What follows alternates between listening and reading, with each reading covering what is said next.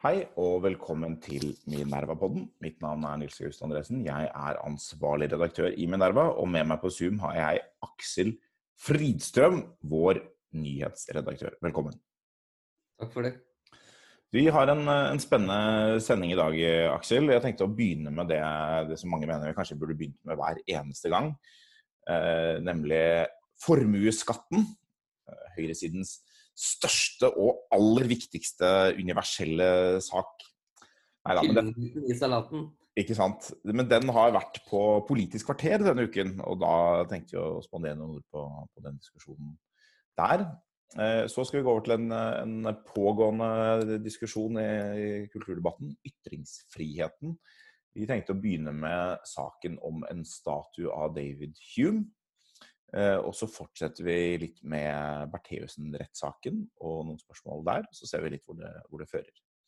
Og så tenkte jeg faktisk å hoppe til Knut Arild Hareide, som var den eh, store, stygge røde ulven i KrF, som da har blitt samferdselsminister. Og foreslår å kutte litt i samferdselsutgiftene. Og på mange måter så gjør det ham til en, en blå helt. Og det, tenkte vi kunne snakke litt om det. Og så skal vi videre til USA, hvor høyesterettsdommer eh, Ruth eh, Bader Ginsburg døde i går. og Det er en, en stor og, litt dramatisk begivenhet. Så tenkte vi kunne snakke litt om det også. Men før vi kommer dit, Aksel, så tenkte jeg å minne våre lyttere om at vi ikke lever av luft og kjærlighet alene. Hva er det du f.eks. får altså, Det du får utbetalt i lønn, det er rett og slett penger, er det ikke det? Det er halvparten penger og halvparten kjærlighet. Halvparten kjærlighet. Er, vi får absolutt en del kjærlighet i Minerva også, men det er helt riktig det du sier, Aksel. At vi, vi har jo da forlatt naturaløkonomien eh, og, og, baserer oss på, på monetær kompensasjon til våre ansatte, og for så vidt også våre leverandører og andre. Og det betyr at vi også må få penger inn for å overleve og for å kunne drive Minerva og f.eks. ha denne podkasten. Inntil en mer fremtidsrettet løsning kommer på plass og erstatter den monetære økonomien, Absolutt. Og det, det, håper vi på, det ser vi frem til. Men inntil den dagen kommer, så, så satser vi altså da på at våre lesere og våre lyttere bidrar til å holde denne skuta flytende. Og det kan du gjøre hvis du gir et lite bidrag til denne podkasten, så kan du gå inn på VIPS og vippse penger til mediehuset Minerva. Det er også nummer 579008. Mediehuset Minerva. Men da går vi eh, i gang, Aksel. og tenkte å begynne litt om formuesskatten. For eh, Høyres eh, Modassar Kapur var på, på, Politisk kvarter denne uken og forsvarte at Høyre vil fjerne formuesskatten. Det var jo da en, en litt sånn typisk diskusjon på Høyres virtuelle landsmøte forrige uke, hvor resolusjonsforslaget var Høyre vil fase ut, redusere, fase ut formuesskatten på sikt. Et eller annet sånt litt vagt, som det har vært veldig lenge. Og så var det litt sånn grasrotopprør i Høyre, så man skulle skjerpe den formuleringen til å si at Høyre vil fjerne formuesskatten. Uten noen egentlig tidslinje. Jeg vet ikke om du Opplever du at det er noen stor substansiell forskjell i de to utsagnene, Aksel? Du som har litt bakgrunn fra diverse landsmøter og resolusjoner? Jeg mener at dette er litt som, som et ritual. da, fordi at eh, Det er jo hver eneste gang på Høyres landsmøte som foreslår at ledelsen en litt mer moderat eh, formulering på dette. Men det er jo den, denne ene saken hvor det kanskje eh, landsmøtet som kanskje er litt, eh, litt blåere enn partiledelsen, da, demonstrerer liksom at ja, men det er vi nok ikke så enig i. Ja. Eh, og så blir det da den ene seieren som dette, dette, landsmøtet da får over partiledelsen. Men så blir det jo aldri implementert.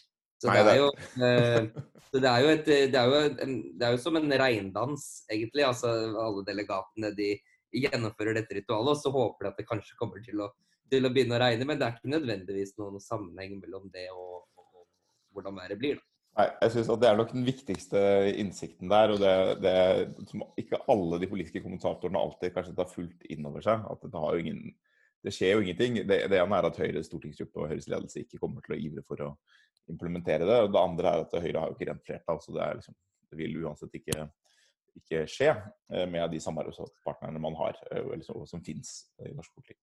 Så, og Det er jo litt sånn som vi hadde tilsvarende vedtak for noen år siden om forsvarsbudsjettet. Hvor, eh, hvor, ledelsens forslag var trappe opp mot i retning 2 eh, i løpet av en tidsperiode. Liksom. Så ble det skjerpet til 2% i 2024. Men det er ikke dermed sagt at det umiddelbart blir politikk. Men det er den type ting som landsmøtet da selvfølgelig må gjøre fra tid til annen for å føle seg relevante. Men jeg tenkte på et litt annet aspekt her som er interessant. og det er altså, Hvorfor er det Høyre ikke klarer å, å avskaffe formuesskatten, som jo tross alt har vært en slags prioritet for, for partiet eh, veldig lenge.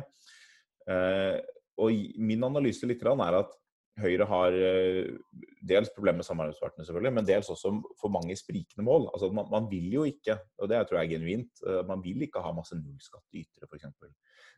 Man ser at formuesskatten har et visst bidrag til liksom at det er en slags utjevnende skatt. Og alle skatter har negative virkninger. og, og Sånn sett er formuesskatten ikke liksom unik, og man må balansere de ulike typer skatteletter. Eh, det som mange fagfolk, de av dem som er positive til å fjerne formuesskatten, foreslår ofte at man kompenserer på en måte med en nasjonal eiendomsskatt som skattlegger noe av den samme gruppen, men som har Eh, færre negative insentivvirkninger når det gjelder å investere i verdiskapende virksomhet.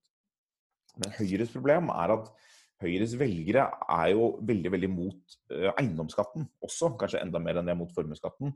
Og, og, Høyre har jo profilert seg på liksom, i alle kommunene uh, å være veldig mot eiendomsskatt. Ikke alle kommuner, men i en del viktige kommuner.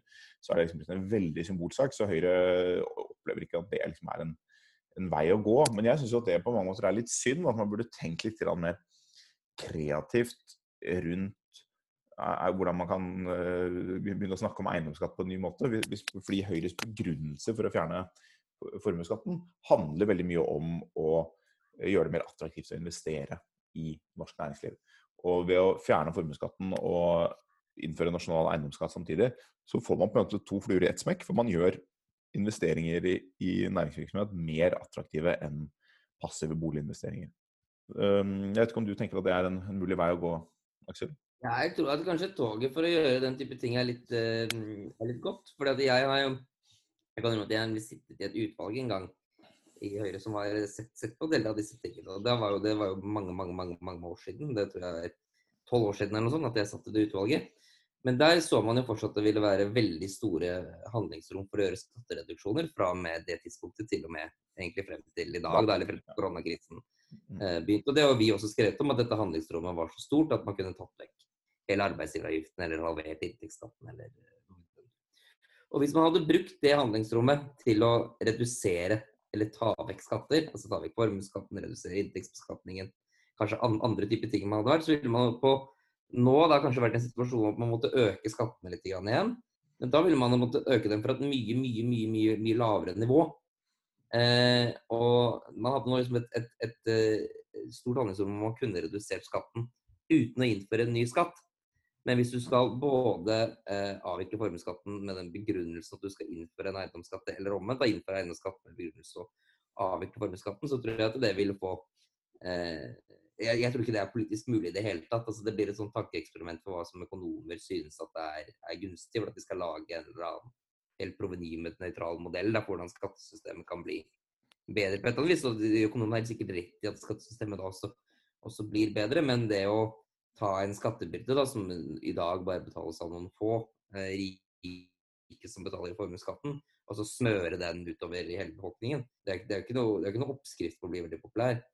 Nei, det er det ikke. Og det, det, jeg er helt enig i det. Og jeg tror at økonomer har eh, nok ofte liksom en, en, for lite interesse i hvordan eh, det velger, velgerbildet eh, ser ut knyttet til ulike skatteendringer og, og byrdefordelinger. Men, men, det er det jeg sier at man allikevel kunne tenke litt mer kreativt. Det er jo ikke gitt hvordan en eiendomsskatt Eh, ville måtte slå ut hvor mange som ville måtte betale den, f.eks. Det avhenger helt av hvilke grenser man setter. og sånn. Og så vil du alltid, selvfølgelig alltid få noe ramaskrik. At du er en eller annen enke som bor uten noe inntekt, som bor i en villa til 50 millioner, liksom, og syns at det er uh, grusomt. Uh, så, så, den type situasjoner ville oppstå. Uh, men, men det, og, det kan godt hende du har helt rett. Sannsynligvis har du helt rett, og sannsynligvis er du vel medskyldig til og med, som, som en som satt i utvalget og lot toget løpe av gårde. Men, men Eh, jeg er ikke sikker på om, det er, om man på det virkelig har forsøkt å tenke eh, rundt hva som skulle til for å gjøre det mulig. Og Hvis man mener at det er viktig, så burde man jo gjøre det. Det, gjelder det samme gjelder forstått en del av de utgiftskuttene som Høyre er opptatt av å innføre. er at man er, man er ofte ikke opptatt nok av hvordan en løsning kunne sett ut for at den skulle være politisk mulig. Man er opptatt av at det er ikke politisk mulig liksom. Det er ikke politisk mulig å kutte sykelønn. Det er ikke politisk mulig å, politisk mulig å innføre eiendomsskatt. Og Det kan hende det er riktig, men det er mer interessant å stille spørsmålet hvordan skulle den politisk mulige løsningen sett ut, og så forsøke å liksom, jobbe frem mot det. Men eh, jeg vet ikke om vi kommer så mye lenger med, med formuesskatten, eh, Aksel. Toget er gått, og det, det, er din skyld. Høyre har fått en viktig eh, symbolsk seier, Høyres landsmøte, og det kan de glede seg over. Selv om det ikke kommer til å skje noe med saken, selvfølgelig. Men vi skal videre til ytringsfrihet. Du har skrevet en sak denne uken om en statue av David Hume. Hva er det som har skjedd? Det er faktisk ikke en statue, det er et, det er et tårn. Det er et tårn, Beklager. beklager. Ja. Tårn som er oppkalt etter David Hume. Jeg har skrevet en en, en nyhetssak da, som jeg selv også kommenterte, for jeg syns den, den, den, var litt artig også. Eh, men det handler jo da om et studentopprop på universitetet i, i Edinburgh for å få fjernet David Gyms navn fra dette. dette. Eh, og det har jo også universitetet eh, nå gjort, etter at det har kommet inn eh, litt i overkant av 1800 eh, underskrifter. Og bakgrunnen for dette er jo da kanskje ikke bare anklager, men også dokumentasjon på at David Hume hadde ganske mange eh, rasistiske holdninger. Eh, og så er det jo da også en, en, en kuriositet i denne saken at disse, disse studentene de vil jo, vil jo opprinnelig eh, erstatte navnet på tårnet med navnet på Tanzanias første president. Men det gikk de jo da vekk ifra når de da ble, etter ble, etter at oppropet hadde kommet i gang, da ble oppmerksom på at den sosialistiske frigjøringen i i Tanzania kanskje ikke leverte alt det den, den, den lovet. da. Og, og det kanskje aller mest alvorlige ankepunktet mot da, Julius Nyerere, som det, er snakk om her, eh, var vel at han i tillegg var ganske homofob. Så det var jo liksom et nytt, uh, et nytt problem i, i begrunnelsene som man ofte har da, for sånne navneendringer. Det var en artig sak, men vi fikk jo et tilsvar, eh, ikke, ikke direkte, vi fikk en kommentar fra Kjetil Rollnes, som uh, også ble publisert på Minerva denne uken, som uh, tok uh, dette oppropet litt i forsvar. Overraskende for, for, mange, det er ikke det man mest forbinder med, med Rollnes. Men hvor han jo påpeker at Hume var en ganske ordentlig rasist. Han var ikke liksom bare sånn your, your grandpas Racism, men han var Eh, ledende jordskifte også på, på, den, på, den, tiden. Ja, for det var jo en eh, omstridt eh, på, på 1700-tallet. var jo Da kampen mot slaveri begynte. Opplysningsfilosofien inneholdt selvfølgelig rasistiske elementer, men det var også begynt å bli motstand mot disse. Man skulle se alle mennesker som like og sånn. Og hvis man ser på noen av hans ikke direkte samtidig, men, men folk han overlappet med, f.eks. Edmund Burke, da, som jo var kritisk til slaveri og, og tenkte på en helt annen måte om mennesker på andre kontinenter og sånn, så ser man jo at her fantes det mange mulige måter å tenke på. Thomas Payne, som var enda litt senere, var jo veldig veldig veldig annen radikal uh, tilnærming til dette spørsmålet i sin samtid. Så, så Hume var jo en, en ganske reaksjonær skikkelse på dette punktet i sin samtid, uh, selv om han på andre områder var en veldig stor uh, frittenkende filosof. Så var han ikke det her. Så det er en sånn litt interessant eh, problemstilling. Rollenes argument er jo da litt at det å, for, for uh, svarte studenter uh, og andre studenter å gå liksom, inn i denne bygningen når dette var såpass, et såpass markert syn hos Jum, det kan være trøblete. Og det kan man jo for så vidt forstå. Jeg er ikke alltid så begeistret for å endre sånne navn allikevel. og Det har jo noe med at vi, årsaken til at vi oppkaller noe til Hume, er jo ikke dette. Eh, og det er, det er, på en måte litt synd I en viss forstand er det litt synd om vi, om vi skal i altfor stor grad skal eh, tenke på de verste sidene ved alle fortidige tenkere og, og andre personer hele tiden. Fordi det, det, gjør det mye vanskeligere å få tak i de positive bidragene. Men, men, det er ikke så rart at den historien kan se litt annerledes ut for andre. Spesielt fordi den, den formen for rasisme som Hume sto for, den er på en måte levende i en viss forstand i dag. Eller den har hatt en veldig direkte virkningshistorie til dagens uh, politiske virkelighet, så man kan liksom ikke ignorere det uh, på noen slags måte. Og, et interessant aspekt ved denne debatten er at jeg tror ganske få av oss egentlig uh, visste at Hume var rasist. Det er jo ikke noe vi lærer på X-Fill, eller folk i dag lærer, har vel ikke X-Fill i det hele kanskje, men, men man lærer jo om helt andre aspekter ved Hume, som om dette var en bagatell. Og det er jo litt fordi vi har forholdt oss til det i noen grad som en, en bagatell. i de de årene som har gått. da. Det er jo først de siste tiårene at man egentlig har blitt opptatt av å undersøke i hvilken grad uh, fortidens tenkere hadde den type holdninger, og hvorvidt de var viktige og bidro til den politiske virkeligheten som ble skapt. Um, jeg vet ikke om du har noe mer å, å si om ja, jeg, jeg, har en ting til å si, og det er at eh, jeg tror at hele den eh, Det å ha denne debatten der man skal gå gjennom alle mulige statuer og monumenter og oppkalte tårn og, og, benker og alt mulig rart, liksom. Jeg tror at den debatten i seg selv er, er ikke en veldig sunn debatt. Altså, du vil alltid kunne finne et, par enkelteksempler om ok, kanskje denne statuen burde vært byttet ut med noe annet, eller ikke det burde vært sånn og sånn og sånn i de mest ekstreme tilfellene. Men, men det å gjennomgå hele den prosessen er en, bare en ekstremt polariserende politisk prosess. Ja, altså, det, er, det, er, det jo. Det er veldig lite Det er veldig vanskelig å se at det kommer noe særlig, noe særlig positivt ut av det. Og så eh, reagerer jeg også negativt på det at det, eh, for meg så virker det som om de som ønsker, ønsker disse endringene, de har, de har så, et så utrolig sånn simplistisk syn på historien. altså Man nekter å forstå at historien er veldig komplisert, og at mennesker som har gjort gode ting eller viktige ting, også har, har liksom veldig eh, har, har, hatt en del negative sider, men det betyr ikke at man ikke kan, kan, kan, kan hedre de positive elementene de sto for. Altså, det, det, er jeg helt enig i, Aksel. Men jeg utstår litt på det. Eh, altså, jeg, jeg, veldig mye av dette kommer fra USA, og der er jo konteksten litt annerledes. Veldig mye av de navnestridene og monumentstridene, statusstrider, bygningsstrider osv. har vært knyttet til veldig markante personer fra den amerikanske borgerkrigen. Sørstatsgeneraler og politiske ledere som veldig aktivt fremmet slaveri. Eh, gikk da til eh, krig for å bevare slaveri, opprette en ny stat basert eh, utelukkende på, på, slaveri. Og mange av disse monumentene ble oppført først rundt 1910 som en del av en hvit reaksjon i sørstatene, og så en ny, litt mindre bølge under borgerrettstiden så sent som 50-tallet. Eh, og der har man jo på en måte brukt noe av de samme argumentene. Et eksempel er f.eks. en, en eh, high school i, Florida som uh, i 1959 ble oppkalt etter Nathan Bedford Forrest, en markant sørstatsgeneral, bl.a. kjent for en massakre på svartsoldater, slaveeier, slavehandler, slavedriver. ideologisk kommittert sådan. Eh, som eh, da ga sitt navn til en skole som eh, etter hvert ble majoritetssvart. Altså de fleste elevene var, var svarte amerikanere. Og den var, Det var stor motstand i det lokale skolerådet eh, mot å endre navnet på denne skolen. Flere forslag om dette falt så sent som 2008 eller noe sånt. Så, mens man da senere i 2014 eller 2015 til slutt fikk endret navn på denne skolen. Men jeg tror litt at selv om den type navnestrider er, eh, kan være polariserende, og det, det, er det i noen grad, så er det noen av disse som er på en måte helt uunngåelige. For de er en del av en helt pågående politisk strid i USA. Og så kunne man sagt at det hadde jo ikke trengt å gjelde eh, Hume eller eh, Carl von Linné, som vi nå har sett i Botanisk hage i Tøyen. Strid om det også.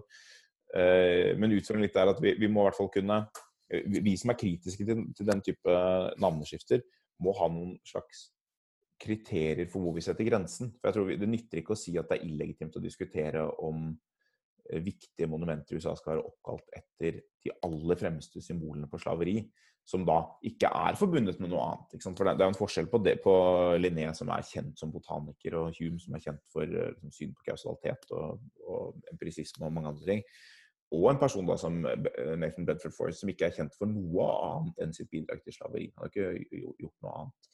Så, så vi må ha noen sånne kriterier. Absolutt, men det er jo viktig å vite også at eh, utviklingen i USA baserer seg på sine egne spesielle historiske forhold.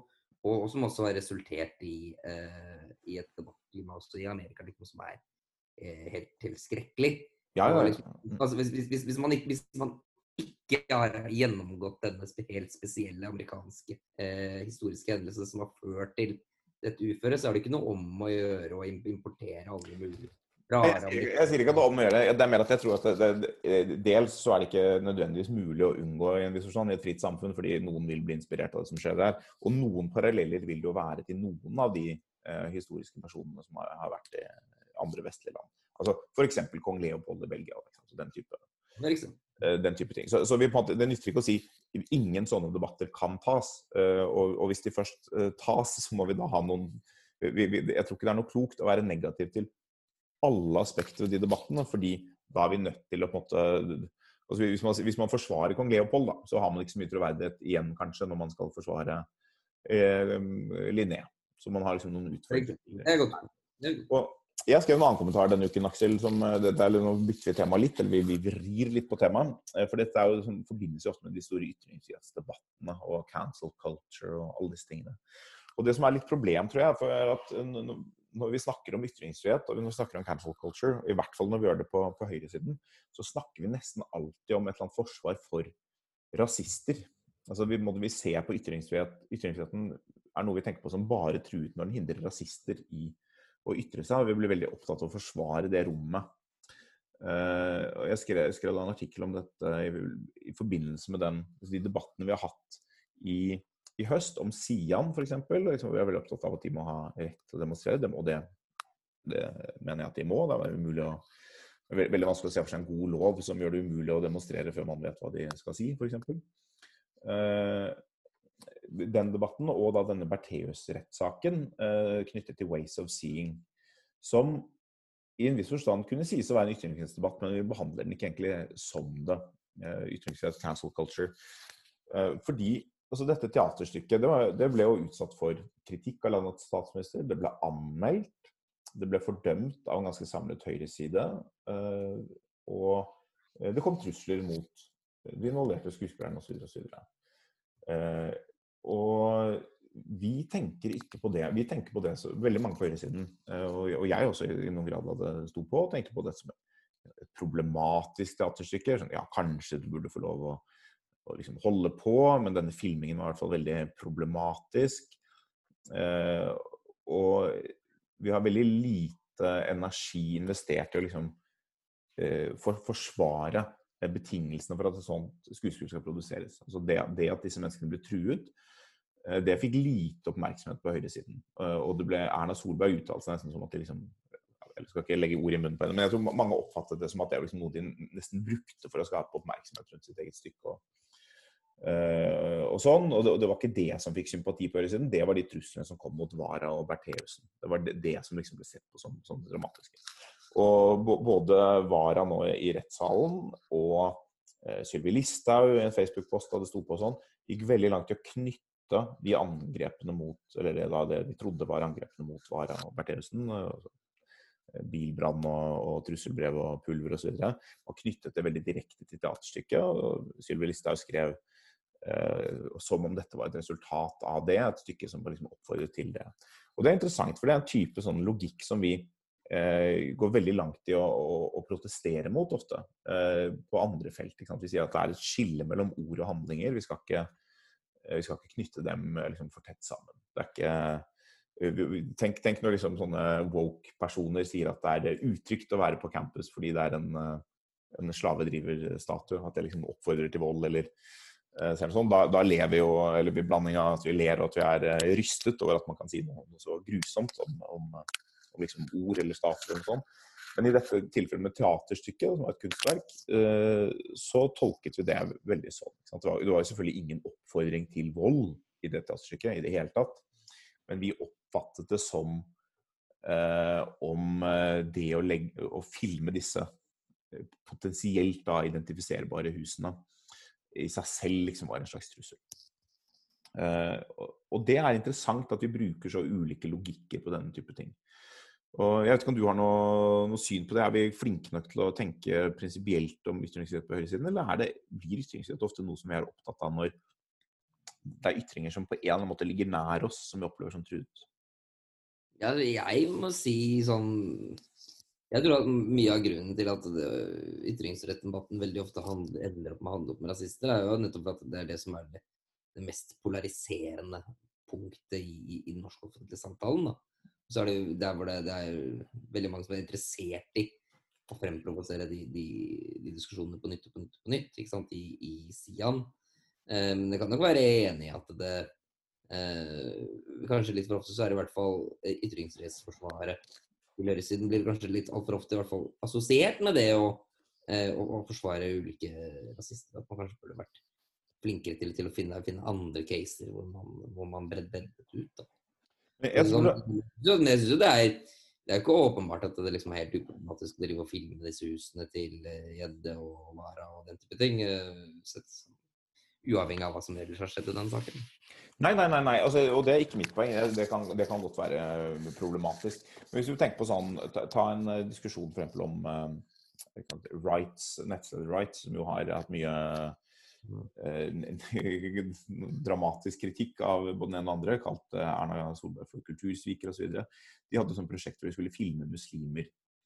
Eh, som de da fikk masse kritikk for, selvfølgelig. Men, men, men Rights er allikevel et sånt eksempel på et nettsted som inngår i vår ytringsfrihetsforståelse. Da, at det er, eh, og, og, det brukes jo til og med sånn når, når eh, Erna Solberg og andre skal forsvare da, statsstøtten til, til rights, så, Human Rights Service, så, så sier man liksom ytringsfriheten må ha rom for disse ulike, ulike, tingene. Så da blir det en markør på ytringsfrihet på en måte som kanskje Ways of Seeing ikke blir. Og jeg, jeg tror ikke at, jeg tror veldig mange på høyresiden, hvis de blir spurt om liksom, burde Ways of Seeing få lov til å bli satt opp, så vil de si ja. Og, og de fleste vil også si burde, de, liksom, burde dette føre til at man kutter statsstøtten, så vil de fleste si nei. Men det jeg tror er at det, det inngår ikke på vår radar over ting som er viktige for ytringsfriheten. Vi, ja. vi, vi, tror at det er noe annet som er viktig. og, og et, annet eksempel på dette altså vi, vi, tror at disse cancel culture-personene er veldig veldig mektige. Vi er veldig opptatt av at de skal være mektige i en viss forstand. Det, et eksempel er altså denne Steve Bann-debatten, som ble et eksempel på liksom cancel culture, fordi det var et par debattanter ytterst på venstresiden som, som ikke ville delta på nordiske mediedager fordi de hadde invitert Steve Bannon. Men, eh, men, Steve Bannon kom jo og ble intervjuet og kom og gikk og, og, og opptrådte flere steder og, og, sånn, og til og med et intervju i, i Minerva. Uh, så det var jo ikke noe cancelling, egentlig. så Det var bare noen debattanter som ikke, ikke deltok. Men det ble for oss et viktig symbol på noe. Mens en del sånne andre eksempler på cancel culture, om du vil. altså ta uh, Frp, da de satt i regjering, begynte å klage på et magasin hos SAS som hadde en fremstilling av høyrepopulisme, fremmedfiendtlighet i Skandinavia, som inkluderte både Quisling og Frp. Skjønner at de ikke likte det, selvfølgelig. Men på det tidspunktet var jo SAS eh, deleid av den norske stat, og SAS endte med å trekke denne brosjyren tilbake. Vi, har, en del sånne eksempler. De, Frp truet med å frata ARS statsstøtte fordi de hadde en fremstilling som sa, altså Antirasistisk Senter som sa noe om båndene mellom apartheidstaten og Anders Lange, som stiftet av for, forløperen til Fremskrittspartiet. Uh, og det er jo noe som mange historikere er enig i, det, er ikke uomstridt. Men uh, kravet fra Frp var da plutselig at organisasjoner som mottar statsstøtte, må ha nøytral informasjon i offentligheten. Som jo, som jo er en kjempetrussel mot ytringsfrihet. Umulig. Ja. Umulig en kjempetrussel mot ytringsfrihet, noe som selvfølgelig aldri er blitt uh, liksom, foreslått overfor Human Rights Service eller, eller, den type organisasjoner. Og det, igjen så er det sånn, vi nærmest ler litt av det. Jeg skrev en, en kommentar om det den gangen, dette var i 2014, 13 eller 2014 Eh, hvor, hvor dette var uh, for så vidt hårreisende. Men det blir jo også glemt. Det er jo ikke noen som tar det liksom på alvor. Eh, men når vi ser på denne, disse diskusjonene i denne chatgruppen til Bertheussen, da med et maktnettverk på mange måter av en statssekretær som senere ble samfunnssikkerhetsminister, og nå tidligere statssekretær, kona til samboeren til justisministeren og samboeren til justisminister, så ser man at det er sånn de snakker både om eh, kan man få statsadvokaten til å se på dette. og kan man si at kanskje ikke hadde noe makt, men, men, det er ikke så veldig rart om folk som står på den andre siden av denne debatten, eh, opplever dette helt annerledes. At det de husker, er alle disse anslagene eh, på, på, på, deres type på de ytringene som de er opptatt av. Og, ja, for dem det, må det jo være veldig truende. Altså, det, er, det er jo helt, eh, helt åpenbart. Ja, og det er noe det som og det bidrar jo noe til polariseringen. Og jeg er litt opptatt av at altså jeg, jeg, mener at cancel culture og, og, woke culture er en utfordring for ytringsfriheten og egentlig andre typer friheter også. Det er en ofte forfeilet måte å tenke på, som er veldig polariserende. Men jeg tror også at det er viktig at vi som er på høyresiden, klarer å være selvkritiske i en sånn prosess. fordi eh, det polarisering gjør, er at den i stor grad fjerner den evnen til selvkritikk. Og, det gjør det også umulig å reagere konstruktivt ofte på det om hvis motparten skulle ha et eller annet poeng. Hvis det er nødvendig å justere kursen litt for å, for å komme ut av polariseringen, eh, så blir blir det, veldig vanskelig nettopp fordi man er polarisert. Og det gjør det viktigere for å tenke på hva hvordan dette egentlig kan se ut fra en slags legitim posisjon da, på motsiden mot, hos motparten, i stedet for å anta at den uten videre er, er illegitim. Du, Aksel, øh, nå går tiden fort der, men vi skal gå videre til, øh, til noe helt annet. Jeg håper lytterne var, var, nå hadde fått nok av ytringsfrihet og, og til at, at vi rusher videre til Knut Arild Hareide.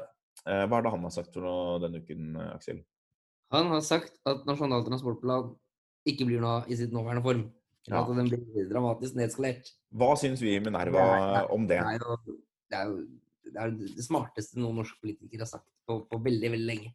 Ja, det, er, det, er, den beste enkel, enkeltuttalelsen fra noen norske politikere i 2020, er det ikke det? Helt klart. Helt klart. Men, eh, nei, så det er jo fantastisk, og det er hvorfor, hvorfor er det så fantastisk? Nei, fordi at hele den eh, eksisterende sånn nasjonal transportplan er jo bare et, eh, et luftslott hvor alle Altså det, det, som er Nasjonal transportplan er et resultat av og som er liksom det, det rare i norsk politikk, Altså, hvis du ser at alle politikere er blitt enige om en plan omtrent, eller den, en, den eneste motforestillingen mot planen er at den ikke er stor nok, mm. da kan du være helt sikker på at det er en utrolig dårlig plan. Ja. Og Nasjonal transportplan er det beste eksempelet på det, for dette er alle omtrent fått akkurat det de vil. Og den eneste måten å eventuelt gjøre endringer i planen på, det er at eh, part A har lyst til å få prosjekt, et nytt prosjekt. Ok, Men det kan bare skje dersom part B også får et prosjekt. Og så blir det enda flere unødvendige prosjekter i, i planen. Og nå har jo denne nasjonale transportplanen vokst fra å bare være på noen titalls milliarder eh, for en 10-15 år siden, til å nå være nesten like stor som statsbudsjettet. Bare at den skal da periodiseres i en, i en lengre periode, men det er jo da 1000, 1000 milliarder kroner. Her som, som mm. aldri, aldri, aldri burde vært gjennomført. Og hvor også hvordan man har regnet seg frem til at de er lønnsomme på, også på egentlig litt galt grunnlag. Eh, så det ville vært veldig bra hvis dette ble altså, det er, kjempe, det er veldig interessant historien om NTP. Den, det, det, er jo litt en, en slags uheldig bivirkning av den for så vidt kloke handlingsregelen. Uh, og Det er det, en del av handlingsregelen som, uh, som Høyre har vært opptatt av. hvert fall. Det er jo ikke den direkte handlingsregelen, det er det som den Høyre kaller den andre handlingsregelen. Hva er det oljepengene skal brukes på? Det, de, de, de, som skal brukes. Og da har man uh, opprinnelig da, i noen grad vært enig om at det skal gå til vekstfremmende skatteletter og kunnskap. Og, og her kommer det da dramatiske problemet, eh, infrastruktur. Og Tanken på det tidspunktet var jo selvfølgelig for det første at man trodde jo aldri at det skulle bli så mye oljepenger. Man hadde aldri sett for seg at, at handlingsregelen skulle kunne gi så enorme summer. Man så ikke for seg en så høy oljepris som man, man senere fikk. Handlingsregelen ble jo laget i 2000, da var år, år 2000 eh, omtrent, og da var oljeprisen 10 dollar fatet. Og så plutselig var den 150, og da hadde man hadde man et problem. Han hadde mye bra, men man fikk noen, da, noen problemer med at handlingsregelen tillot mye høyere pengebruk enn man hadde sett for seg. Og så, eh, Det som da skjedde, var at man kunne bruke veldig mye mer penger på, på infrastruktur. Eh, og man hadde jo ikke lønn, samfunnsøkonomisk lønnsomme prosjekter til alle, alle disse satsingene da man trodde at det skulle være lite penger, så hadde man jo det. Da så man fortsatt at dette var en måte å, løse liksom, etterslepet i samferdselsinvesteringer på. Etter hvert som man fikk mer og mer penger, så ble det umulig, og så dyttet man mer og mer prosjekter som var ulønnsomme inn i dette her. Og så kommer, som du sier, på en måte det at alle politikere skulle bli enige om nye distriktsprosjekter. Og Da dytt, endret man jo litt på liksom, Hvis et prosjekt ikke var lønnsomt, så sa man ja, men det er noen ringvirkninger som gjør det lønnsomt. Og som du, du vel har påpekt før, Aksel, man, man inkluderte ikke bompengeeffektene ordentlig i regnestykkene, som gjorde at eh, det så ut som veiene ville bli brukt mer enn det de faktisk ville bli brukt. Og i det hele tatt så blåste man opp dette helt enorme proporsjoner. Og det som er interessant, det er at eh, når vi snakker om kutt i, i statens utgifter, som vi på høyresiden, i hvert fall vi i Minerva, gjør iblant, eh, så, så er det altfor sjelden at vi snakker om samferdsel, som på mange måter er det er blitt en hellig ku. Ingen norsk politiker kan gå mot samferdselsinvesteringer. Og det er så enorme summer. Og jeg tenker hvis du skal kutte litt i offentlige budsjetter, så er det, liksom, det, er det ene åpenbare stedet å kutte, uten at det har noen særlig negative sosiale virkninger. Eller samfunnsøkonomiske virkninger overhodet. Altså det er samfunnsøkonomisk positivt å gjøre disse kuttene. Eh, og det går helt bra, på en måte. Nå, nå, nå, sitter det noen sinte Minerva-lyttere på et eller annet sted på Vestlandet og tror at vi vil ta fra dem rassikringsprosjekter noe sånt. Det er ikke sikkert det er det vi vil, men det er klart at det er 1000 milliarder kroner. Det er mange penger. her må vi gjøre noe kutt. Og vi kan jo si det, Aksel, at vi vil jo gjerne kutte E18. Ja, vi, vi kutter også, også, også på, på, Østlandet, ja. Så vi, vi, vi tar alt, vi. kutter alt. Vi kutter alt. Så, men det, det, skal i hvert fall Hareide ha ros for at han uh, sier. Det, det, er jo interessant at ingen har sagt det før. Men uh, kanskje han kan bli en, en betydelig samferdselsminister. Det hadde vært en spennende utvikling. Du, eh, Aksel, vi skal eh, avslutte litt med, med situasjonen i USA. Der eh, det i går kom nyheter om at eh, Ruth Bader Ginsburg eh, er død. Høyesterettsdommer som eh, har vært syk lenge og mange ganger har vært inn og ut på sykehus. og Som mange håpet skulle klare seg til en ny president var innsatt. Hun døde nå. Har du gjort deg noen tanker om betydningen av det? Ja, ikke jeg så mye, men eh, Jan Arild Snoen hos oss har jo skrevet en veldig god oppsummerende artikkel om det. Ja. Eh, som jeg synes, som jeg vil, gjerne vil anbefale å lese, først og fremst. Men, eh, men hvor han jo peker på at dette er jo en slags noe joker inn i presidentkampen, selvfølgelig. Og hvor antagelig så vil nok republikanerne forsøke å presse på å få nominert en erstatter, en konservativ erstatter til, til Ginsburg før, eh, før, eh, før, valget. Eh, men hvor det også kanskje kan være en, en viss mobiliseringsfaktor kanskje også for Trump, hvis, hvis, hvis det ble hengende til dette valget. For da ville folk kanskje måtte, måtte tenke at de må stemme på Trump for å få en konservativ dommer etc. Det er, det, er, jo interessant. Vi, vi, hadde jo en tilsvarende situasjon for fire år siden da det var en ledig plass uh, før valget, hvor det republikanske flertallet, med Mitch McConnell, som nå fortsatt er da, majoritetslederen i Senatet, nektet behandling av dette uh, før en ny president var innsatt. Og begrunnet det med liksom alskens høytravende og prinsipielle betraktninger. Det har de nå selvfølgelig gått bort fra. Uh, den type hykleri er man etter hvert såpass vant til i USA at jeg tror det kommer ikke til å få så veldig store konsekvenser. Men, men uh, nå vil de jo da ha utnevnt det før 20.1. De regner med å tape Senatet. så det er. Det, er liksom en, uh, viktig for dem. Men de ønsker nok på mange måter å utsette dette etter valget for at det skal mobilisere. Republikanerne har alltid veldig stor tro på at Høyesterett er veldig mobiliserende for dem. Men det vi så i 2018, var at det kan også hende at det er mobiliserende for demokratene. Som nå kanskje i enda større grad opplever at en ny utnevnelse fra Trump ville være, true veldig mange av deres viktige saker. altså De ville true med endring. Uh, og endring er kanskje enda mer truende enn opprettholdelse av status quo. Så selv, selv, om mange republikanere ønsker seg abortfiendtlige dommere som vil endre på uh, abortlovene, eller endre på, på høyesterettsforbudet mot abortforbud f.eks., så er det mye mer mobiliserende om, uh, om det faktisk blir Eh, det blir endret. Det er mer mobiliserende for den andre siden, kan man i hvert fall tenke seg. Så hvordan dette slår ut valgmessig er ikke sikkert, men så får man jo et sånn tilleggsproblem at uh, hvis valget blir uklart, veldig jevnt, eller det er mye tull med poststemmer og disse tingene går til Høyesterett, så vil man jo ha et problem uh, med at uh, dette dødsfallet i første omgang da sørger for at det er bare åtte dommere, så det kan bli fire-fire.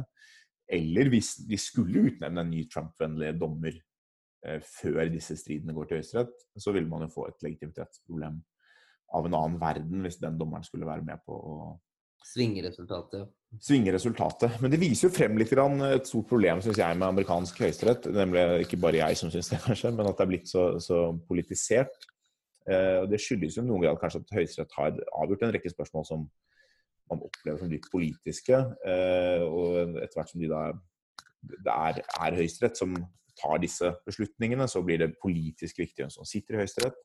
Og så utnavner noe politisk. I Norge har det vært en diskusjon fra tid til annen om man ikke skulle ha en mer eh, større grad av politi, politisk involvering i høyesterettsutnevnelsene. Man har foreslått at Stortinget skal være involvert, f.eks. Og noen har prøvd å finne at det er noen mønstre mellom hvilke regjeringer som utnevner hvem. Noen har påpekt at det blir en, eh, liksom en liberal elite som sitter der osv. Men jeg er veldig fornøyd med at det er veldig lite oppmerksomhet rundt dem som utnevnes til norsk høyesterett. Ja, altså, også om de ikke er perfekte, også om det er bitte litt politisk bias i det, eller om de er eh, litt for mye til den ene eller til den andre siden, så er det utnevnes i hvert fall etter en annen logikk enn eh, de politiske stridene. Og det tror jeg er veldig sunt. Eh, det, det, at all makt i samfunnet fordeles etter samme stridslogikk, eh, gjør at eh, alle valg settes veldig veldig på spissen. Man, man, blir så redd for å tape at man til slutt ikke egentlig tør å tape. At man ikke tør demokrati, kan du si da. Det er bra om det demokratiet slåss om, ikke er eh, en større del av samfunnet i en viss forstand, enn at man kan leve med å tape for begge parter. Tror jeg. Eh, men, men eh, så med de kloke visdomsordene, Aksel, så lurer jeg på om vi skal ønske våre lyttere god helg. Men vi bør kanskje minne om en gang til om denne Hva er, det vi skulle minne om, Aksel? Vipsen eller abonnementet? Ja, kanskje, kanskje, begge deler. Eh, altså det er jo mange her som kanskje vil lese noen artiklene vi har snakket om. Da kan man tegne abonnement på Minerva. Årsabonnement bare 699 kroner. Månedsabonnement 89 kroner i måneden. Det går også an å tegne abonnement med papir. Vi har en ny papirutgave ute om USA nå, så den, eh, den kan man eh, få med seg. Eh, eller så kan man jo si at man kanskje er abonnent, eller man kanskje ikke har lyst til å bli abonnent, men vil støtte denne podkasten. Og da kan man sende litt penger på VIPS, fritt valgt beløp. Jeg har for vane Aksel, å anbefale beløpet 99 kroner. og Bakgrunnen for det er at det er mindre enn 100 kroner, men mer enn 98 kroner. Så det er et beløp som egner seg veldig godt. Men det er lov å gi både mer og mindre ved å sende til Mediehuset Minerva på VIPS. Og med de ordene så ønsker vi god helg. God helg.